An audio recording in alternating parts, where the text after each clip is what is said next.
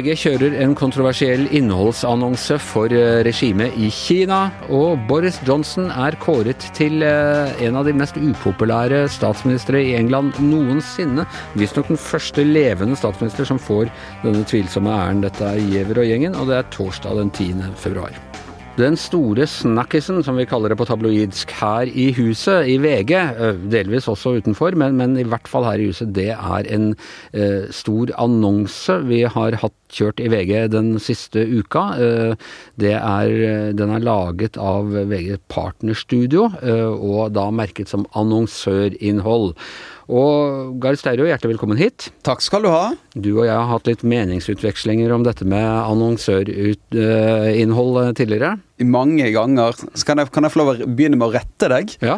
Uh, den er ikke laget, Det heter ikke VG Partnerstudio lenger. Okay. Det heter Skipsted Partnerstudio. Det er ikke VG som har dette selskapet lenger. Det er det ene. Og så sier du at dette er laget av Partner Partnerstudio. Det er det nok heller ikke. Dette er laget av et mediebyrå som har sendt innholdet til Partnerstudio. Så, dette er en, eh, så det, er litt, det er litt Hvis du vil er opptatt av nyansene, så kan du få de her og nå. Ja, ja, ja, men kjempefint. Jeg lærer for hvert sekund vi sitter her i studio. Uh, jeg, ikke ta denne store diskusjonen nå, men det er altså det er da annonser som på mange måter eh, som har en redaksjonell form. Det er vi enige om, eller er du Nei, det er det jeg er enig i. Det er en Ja. eh, Innholdsmarkedsføring er jo annonser som ikke er vanlige annonser, men som, som på en måte forteller en historie eller en sak, og som har likhetstrekk med vanlig journalistikk. Ja. Men ikke er vanlig journalistikk, som Jeg vet ikke hvem som har laget dette, men det er jo en del tidligere journalister som har jobbet med det og, og, og gitt det en, en sånn redaksjonell form. Ja, det er det. det, er det. Altså, dette er jo et ut... Vi kan ta den lange historien, men det som er interessant med denne saken, tror jeg, som at den dreier seg nok litt om content marketing, men det, altså det denne saken dreier seg om, er skal man si ja eller nei til en annonse fra et kinesisk mediebyrå. Men da må jeg bare få si hva den er, jeg vi har ikke helt Ja, ja, presentert fortell, den. For, fortell for eh, dette er altså en artikkel som heter 'Fra drøm til virkelighet'. Beijing 2022 gir vinterglede til over 300 millioner mennesker. Og så er det om hvordan eh, Kina eh, siden 2015 har klart å få 25% av befolkningen til å bli glad i eh, vinteridrett. Det er en, en stor og, og rosende artikkel som ikke akkurat nevner de andre tingene som vi ofte er opptatt av når det gjelder Kina, som eh, uh, hvordan det blir en mektigere og mektigere militærmakt, hvordan de, de undertrykker folkegrupper, har konsentrasjonsleirer, eh, sensurerer og i det hele tatt. Det er en skjønnmaling av det kinesiske regimet. Ja, det er markedsføring fra, det kines, fra Kina, eller fra et mediebyrå i Kina. Eh, Noen kaller det sportsvasking, eh, det kan jeg jo forstå. Det er, det er ren markedsføring av Kina som vinternasjon, og for å fortelle noe om de effektene de mener har kommet etter eh, OL. Og som er, som, ja, det er ren markedsføring, vil Ja. jeg si. Og hvorfor i all verden skal eh, de kinesiske myndighetene få lov til å Det er altså eh, annonsørinnhold for det kinesiske nyhetsbyrået Sinua. Ja. Jeg, Hvorfor skal de få lov til å bruke VG og vår eh, troverdighet til å Ja, vaske dette råtne regimet sitt? jeg mener at de ikke bruker vår troverdighet. Og det vi mener. Nei, dette er, da vi får denne annonsen inn, altså, så da vi fikk inn denne annonsen, eller den kom opp til oss, så skjønte vi jo at dette blir eh, kontrovers. Dette blir bråk. Vi sa at her havner vi i Dagsnytt 18, og jeg tenkte jeg havner vel kanskje hos Anders Giæver òg for å diskutere Det dette. irriterer meg at Dagsnytt 18 var først ute. Men, dette, men eh, vil si at dette handler om tradisjon, og så handler det om eh, Det er en prinsipiell avgjørelse for vår side. Og jeg kan prøve å begrunne det. Det er at en avis som VG, som er en stor plattform, vi har tradisjonelt, og er fortsatt opptatt av, at her skal det være et stort ytringsrom for annonsører. Vi mener at det er et gode ved de norske massemediene, det er et gode ved Norge at det er et betydelig ytringsrom, også for kontroversielle meninger. Og at politiske organisasjoner, politiske partier, eh, også statlige foretak som dette er, skal få ha mulighet til å slippe til med sine budskap på annonseplass. Det, det har vi alltid ment, har vi stått på den linjen i veldig mange år. Og så er det komplisert, og det er mange dilemmaer knyttet til Kina. Så er spørsmålet skal du si nei her, hvor skal du, skal du sette en grense, og hvor skal du sette en grense? Hva med ved diktaturer hvor eh, det ikke Nei, er altså det er jo, det er jo et, det er et godt, det er en god innvending. Sant? Skal du sette en grense ved, folks, ved diktaturer, eller skal du sette en grense ved stater som bryter menneskerettigheten, eller hvordan skal du gjøre det? Men det er, det er jo ganske mange dilemmaer knyttet til akkurat dette. For hvis du begynner med Kina, du si, hvis du sier nei til et eh, statlig mediebyrå i Kina, skal du si nei til et statlig mediebyrå i et annet land som bryter menneskerettighetene? Hvordan skal du forholde deg til Russland? Hvordan skal du forholde deg til selskaper som, er, som ja, er, styrt ja, ja. ja, jeg vet du mener det, men, eh, men her jeg prøver, jeg prøver virkelig å ha en prinsipiell tilnærming til dette. Og jeg visste jo at det jeg ber om å bli trodd på, det at dette handler virkelig ikke om pengene. Denne annonsen koster nok VG penger, for det tar ganske mye tid og krefter både å kvalitetssikre den annonsen, men òg å følge den opp og, og delta i debatter som ja, det er dette. interessant. Vet vi at en fjerdedel av Kinas befolkning nå driver med vinterridrett? Nei, det vi vet, jeg kan fortelle om den prosessen. Eh, hvis jeg bare tar det, liksom det prinsipielle først, så er det sånn at å sette denne grensen er ganske krevende. Fordi at uh, når det gjelder disse landene, så er det ganske mange selskaper som er kontrollert av regimet. Altså vi, det har vært en stor diskusjon om Huawei. Skal vi si nei til de? Hvor setter denne grensen? Det syns iallfall noen syns det er enkelt. Jeg syns det er ganske komplisert å sette den, sette den linjen. Så vi velger liksom å stå i den liberale tradisjonen som norske medier har hatt. Og nå er det satt på spissen med Kina. Forrige gang vi diskuterte dette, så tror jeg det var en annonse for noe som het Folkets strålevern. Vi har hatt kontroverser rundt annonser for Med Israel for fred. Og det er en del organisasjoner og foretak som skaper mye debatt når vi slipper det til, fordi de er omstridt. Men jeg tror det er en verdi da, ved det norske samfunnet at vi slipper de til. Eh, vi vet at en, en lignende annonse fra Norge ville kanskje ikke sluppet til i kinesiske medier. Men, eh, men jeg, jeg, er stolt av den tradisjonen i Norge. At vi slipper til også de kontroversielle meningene. Vel vitende om at jeg tror at det norske publikum forstår hva dette er. Og forstår at her kan man møte det med skepsis, og eh, det skaper en debatt. Men det at man har ytringsfrihet for det betalte ord, det betyr ikke at man trenger å, ta, inn, eh, ta inn absolutt alt. Altså VG sa i eh, mange år nei til alle de sex- og koblingsannonsene som Dagbladet kjørte. Eh, og så mener jeg også at det er en forskjell på altså Dagbladet i sin tid kjørte noen svære annonser fra, fra jeg vet ikke om du husker de der tilbake på 70-tallet, for, for Nord-Korea. Som var forsøkt utformet som redaksjonelt innhold, men de var fullstendig ko-ko. Det var liksom sånn når Kim Il-sung går og legger seg om kvelden, så gråter fjellene og, øh, og ja, så videre. sånn. Men, men her, er det, her, er det, formet på en profesjonell norsk øh, mediemåte, som liksom øh, får dette til å og Man hjelper regimet med å fremstå på sin beste måte. Selv om dette er laget utenfor huset, eller noe sånt, så inngår det i den typen pakke innholdsmarkedsføring som er relativt nytt. Ja, altså jeg, eh, altså jeg, må innrømme at jeg leste ikke disse annonsene for Nord-Korea på 70-tallet. Jeg, jeg, tror ikke vi skal være naive altså jeg tror eh, hvis jeg skal si det sånn, Anders, jeg tror denne annonsen en liten, utgjør en veldig liten del av det kinesiske regimet sin PR-kampanje i forbindelse med OL. Jeg tror dette er en, eh, en, eh, dette er en flis i, i, hele planken. Men jeg, eh, men jeg, ser absolutt innvendingene, og jeg skjønner òg at dette, dette, er jo ikke ukontroversielt. Og jeg opplever òg at dette er et dilemma så tror jeg at men jeg, men jeg prøver å tenke på denne måten vi har noen prinsipper. Vi har en tradisjon for ytringsfrihet og yt bredt liberalt ytringsrom i Norge som det kinesiske myndigheter nyter godt av i denne sammenheng. Samtidig er vår oppgave som VG, og som vi gjør daglig, å drive kritisk journalistikk om Kina og rundt OL. Og på den måten så så, så, er det på en måte et sånt janusansikt vi har her. Men samtidig er det jo jeg opptatt, mest opptatt av hvordan vi skal dekke dette OL. Og hele OL er et eneste stort dilemma. Fordi at vi er der nede, vi vet hva som foregår, vi vet hva som ligger bak dette OL. Det har det samme VM i Qatar. Og på den måten bidrar vi òg inn i denne sportsvaskingen. Men jeg kan fortelle litt om hvordan vi jobber med denne annonsen, som kanskje kan være interessant. For det som skjer i denne saken, at vi får denne annonsen, den går til den kommer til, eh, da til et Skipsted Partnerstudio, som er et, et reklamebyrå, egentlig, for Som leverer reklamer Som produserer og lager og distribuerer reklamer til eh, alle Skipsted sine aviser i Norge. Det de gjør da, det er at de foregår De vurderer denne annonsen opp mot markedsføringsloven og opp mot pressens etiske regelverk. Så får de teksten, Og så ser de at her står det en rekke tall, eh, og de ønsker de da faktabelagt. Og de ønsker da å si at denne slipper ikke til hvis ikke kildene er oppgitt i mediene. Og så er det en del personer som er avbildet der. Man prøver å finne ut er denne personen reell. Har vedkommende uttalt det? Hvor er denne informasjonen hentet fra? Og sånn jobber man. Og i denne prosessen her så vet jeg at der, før denne kom inn til VG i det hele tatt, for vurdering hos redaktørkollegiet, så gikk det 150 e-poster eh, fram og tilbake mellom, uh, mellom, oss og dette byrået, der vi krevde endringer i annonsen. Ja, tallene er da altså bekreftet av Kinas National Bureau of Statistics? Ja, det er det. Men det, sant, det tallet er jo Vi kan ikke gå ned og telle. og det, det vil vi ikke gjøre. Så vårt krav er der ja, denne kilden, og du er kritisk til den kilden, forstår jeg. Ja, det, er... det, skjønner jeg. Men da har vi iallfall opplyst at det er kilden.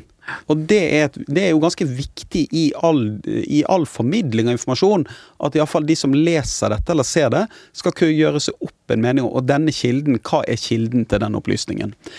Og Det er ikke sånn at jeg sitter og sier for VG dette, VG har en omsetning på to milliarder.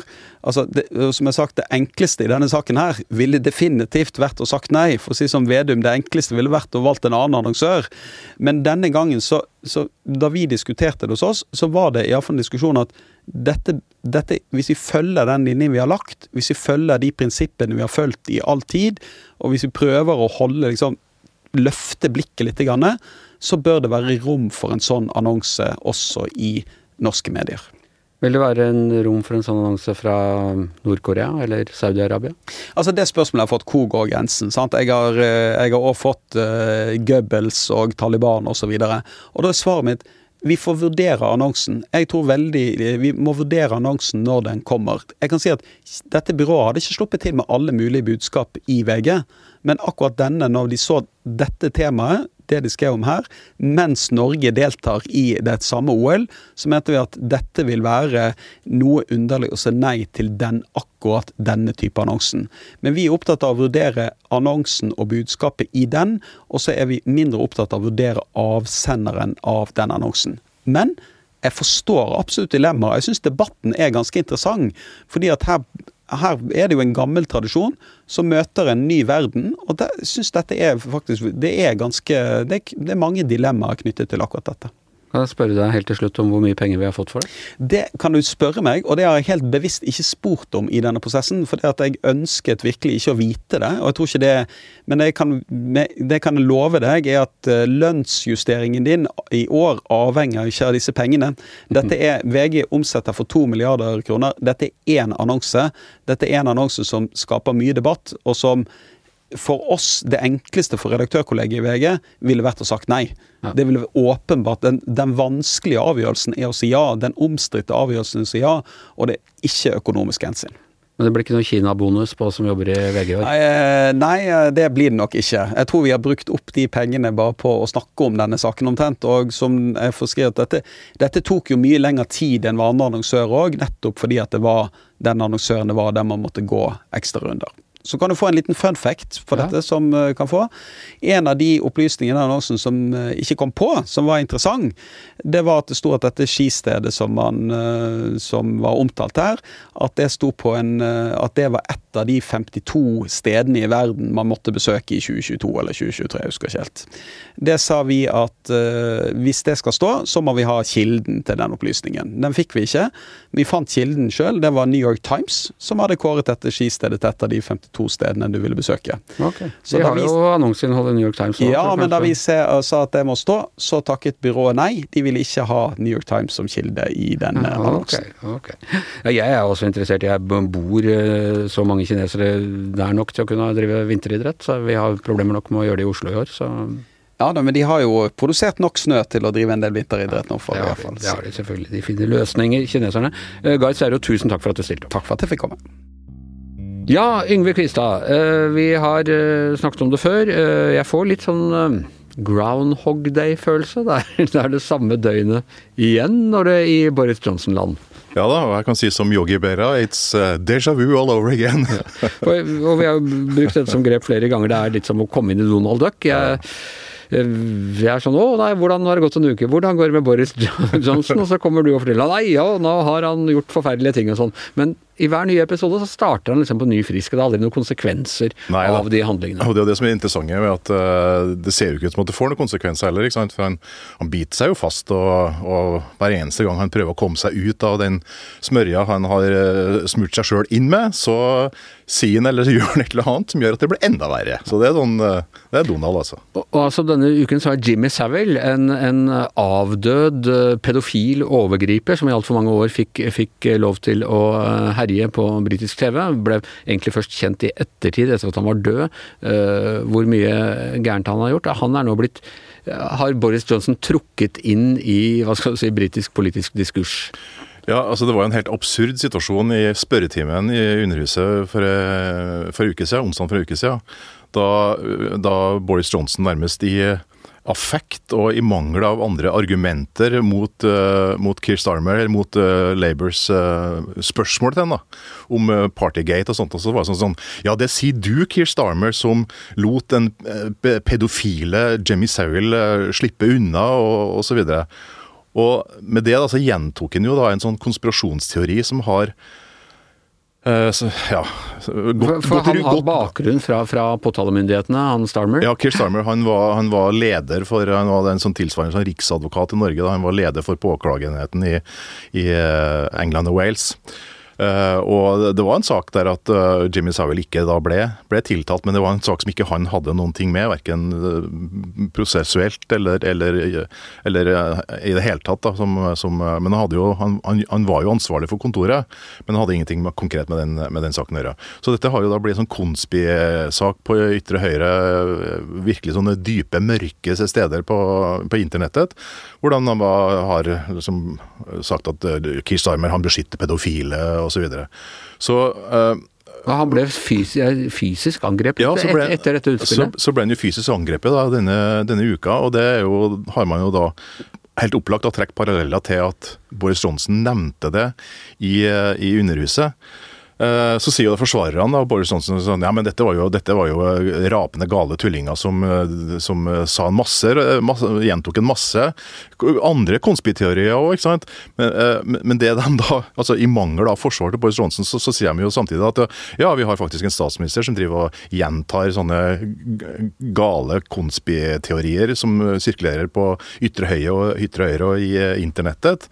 Og, og en annen sak som veldig mange kritikere nå har, har trukket fram, det er jo dette at, at altså det er det er et så ultimat lavmål i den politiske debatten å begynne å trekke fram sånne pedofilianklager og sånt. Altså det, liksom, det, har, det, har, aldri skjedd før i, i britisk politikk. altså Der skjer det mye rart. Men dette, at, men, dette, minner jo om amerikansk politikk og ja, QAnon og ideen om at Hillary Clinton spiser spedbarn i kjelleren på ja. pizzarestauranter i Washington. Ja da, og det er jo sånn at de, og det er jo riktig at de tullingene som fløy rundt og, og ropte slagord mot Keir Starmer og, og, og pedofil og alt det greiene der, altså de, de, de, har ikke fått den ideen fra, fra, Boris Johnson. altså Dette har de jo sugd fra egne, sine egne kanaler på internettet. Men saken er at nå kan de si at se, vi har en statsminister som sier akkurat det samme som oss. ikke sant? Han er enig med oss. og Dermed så har de fått en ny uh, omdreining. og Det er det som gjør at det er jo med på å forgifte og forsøple den politiske debatten, som for øyeblikket er vanskelig nok på de britiske øyer. grunn av eh, problemer som vanlige folk såkalt har, med alt fra energipriser og, og, og, og renter og levekostnader og sånt noe som mange andre også sliter med i og så kommer da krav selvfølgelig om beklagelse, og så har han vært ute. og Har han beklaget, har han ikke? Hva? Nei, han har ikke beklaga. Han, han, har vært ute og liksom skulle sagt det det han sa at Når han sa Keir Starmer, så mente han ikke Keir Starmer. Altså Han mente da eh, kontoret, at det var kontoret som hadde svikta, det var ikke, var ikke Keir Starmer. Men det er jo selvfølgelig ikke sånn det ble oppfatta. Og, og, og, litt spesielt å gå til angrep på kontoret til Keir Starmer når du er i debatt med Keir Starmer. Ja, ikke sant. Også, og, og nå var det jo en situasjon, ny situasjon i, i Underhuset denne uka her. Uh, I spørretimen der han kunne ha starta med å sagt at han trekker tilbake uh, den uh, påstand, eller at han mente det ikke sånn og sånn. Men det gjør ikke Boris Johnson. altså Boris Johnson er ikke en fyr som ber om uh, unnskyldning for noe. Han, uh, da han var redaktør for uh, konservative uketidsskriftet The Spectator, så det første rådet han ga til sin etterfølger som redaktør, det var at du skal aldri beklage noe. Aldri beklage. Aldri, aldri, aldri. Og det er klart, når du har den grunnholdninga, da Dette minner meg mer og mer om min gamle kjepphest, eh, Donald Trump. Det er jo akkurat samme greia. Og, og, og tross alt så har jeg regna Boris Johnson som Altså, Trump mener jeg er borderline uh, personlighetsmessig, men det, og Boris Johnson har jeg tenkt har bare vært en luring og en sleiping og en ganske kynisk type, men, men tross alt innenfor eh, en, en normal politisk diskurs. Men er han på glideflukt bort fra den?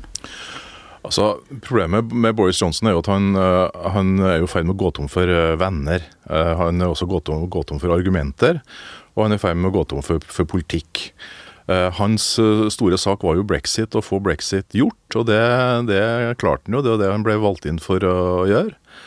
Eh, men før han skrev ut nyvalg da, i, i 2019, eh, så kom han inn og overtok etter Theresa May. Det normale for en mann som kom inn som regjeringssjef, det ville ha vært å gå til parlamentet, bli kjent med folk, sørge for at du har nok venner. I stedet så var han stor mann på byen, i bokstavelig forstand. Han var ut, han eh, var, var den joviale Boris Johnson sant, som var populær blant folk. For det, har- det har han jo definitivt vært, både som borgermester og, og som, som politiker. For han er, han er sånn ja, veldig jovial kar, da. Ja, og TV-personlighet, og det er gøy at han er så bustete på Og så sånn. vant han jo, ikke sant, et brakvalg med 80 mandater. Han har et styringsmandat på 80 representanter i, i, storting, nei, i parlamentsgruppa si. Som gjør da at han i prinsippet er usårlig. Han kan styre og gjøre akkurat som han vil. Men han har jo ikke pleid noen omgang med den gjengen. Han har jo ikke eh, gjort det som Han har ikke gjort eh, fotarbeidet som en politiker, eh, toppolitiker er nødt til å gjøre. Så han har ingen venner, og når folk da begynner å vende seg mot den, seg mot den så har han få lojale igjen. Eh, Det er også sagt om Boris Johnson at han i utgangspunktet er en grunnleggende lat, og det er nok riktig. Eh, Men pga. den egenskapen har han alltid vært flink til å få folk til å jobbe for seg og få tak i de riktige folkene rundt seg. Eh, Det gjorde han som, eh, som redaktør i The Spectator. Veldig mange av dem han ansatte er, jobber i, i magasinet fortsatt en dag i dag. Det var sånn han styrte London som borgermester, og det var sånn han, også han begynte jobben som, som statsminister. Men så legger han seg ut med folk. sant? Han feller folk i, bak i ryggen. Han, han klarer ikke å opprettholde eh, den lojaliteten da, som er, han, han trenger. Og, så det er en sånn Jeg får litt sånn déjà vu, apropos, til, til litt sånn til. Ja, til ja vel statsråd og ja vel statsminister. Som Altså om den fiktive statsministeren eh, Jim Hacker. For det er en sånn running gag som heter altså en, en vits som gjentas eh, igjen og igjen i, i serien. Det er liksom at eh, når, når, det holder på, å balle seg til for Jim Hacker, så puster han letta ut og sier at ja, ja, det er i hvert fall én ting som er bra, at, eh, at eh, folk kan ikke stemme mot deg før ved neste valg. Mm. Så sier da sir Humphrey det. Yes, that's right. Men husk at dine egne parlamentarikere den kan stemme mot deg allerede i kveld. Og Det er jo det som har skjedd nå med Boris, at han har jo fått såpass mange i sin egen parlamentsgruppe mot seg, at det er jo de som står i fare for nå å, å felle han.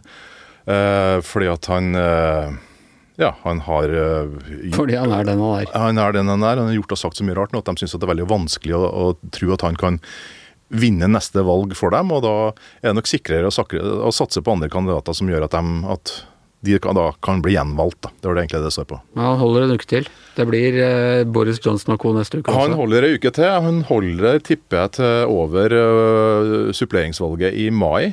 Uh, hvis det går ordentlig dårlig da, så tipper jeg at det blir en sånn uh, runde med den såkalte 1922-komiteen og mistillitsforslag Ja, på forsommeren. Og så tenker jeg at de har en ny runde før ordinære landsmøte i, eh, i sommer.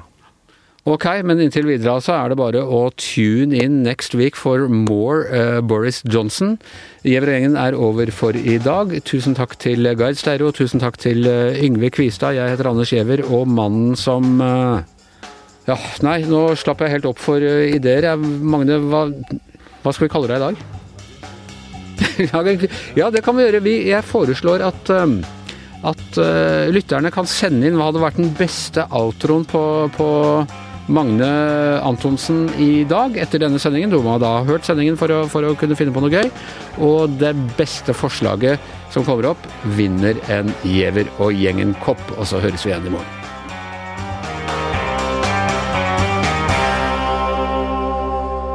Du har hørt en podkast fra VG.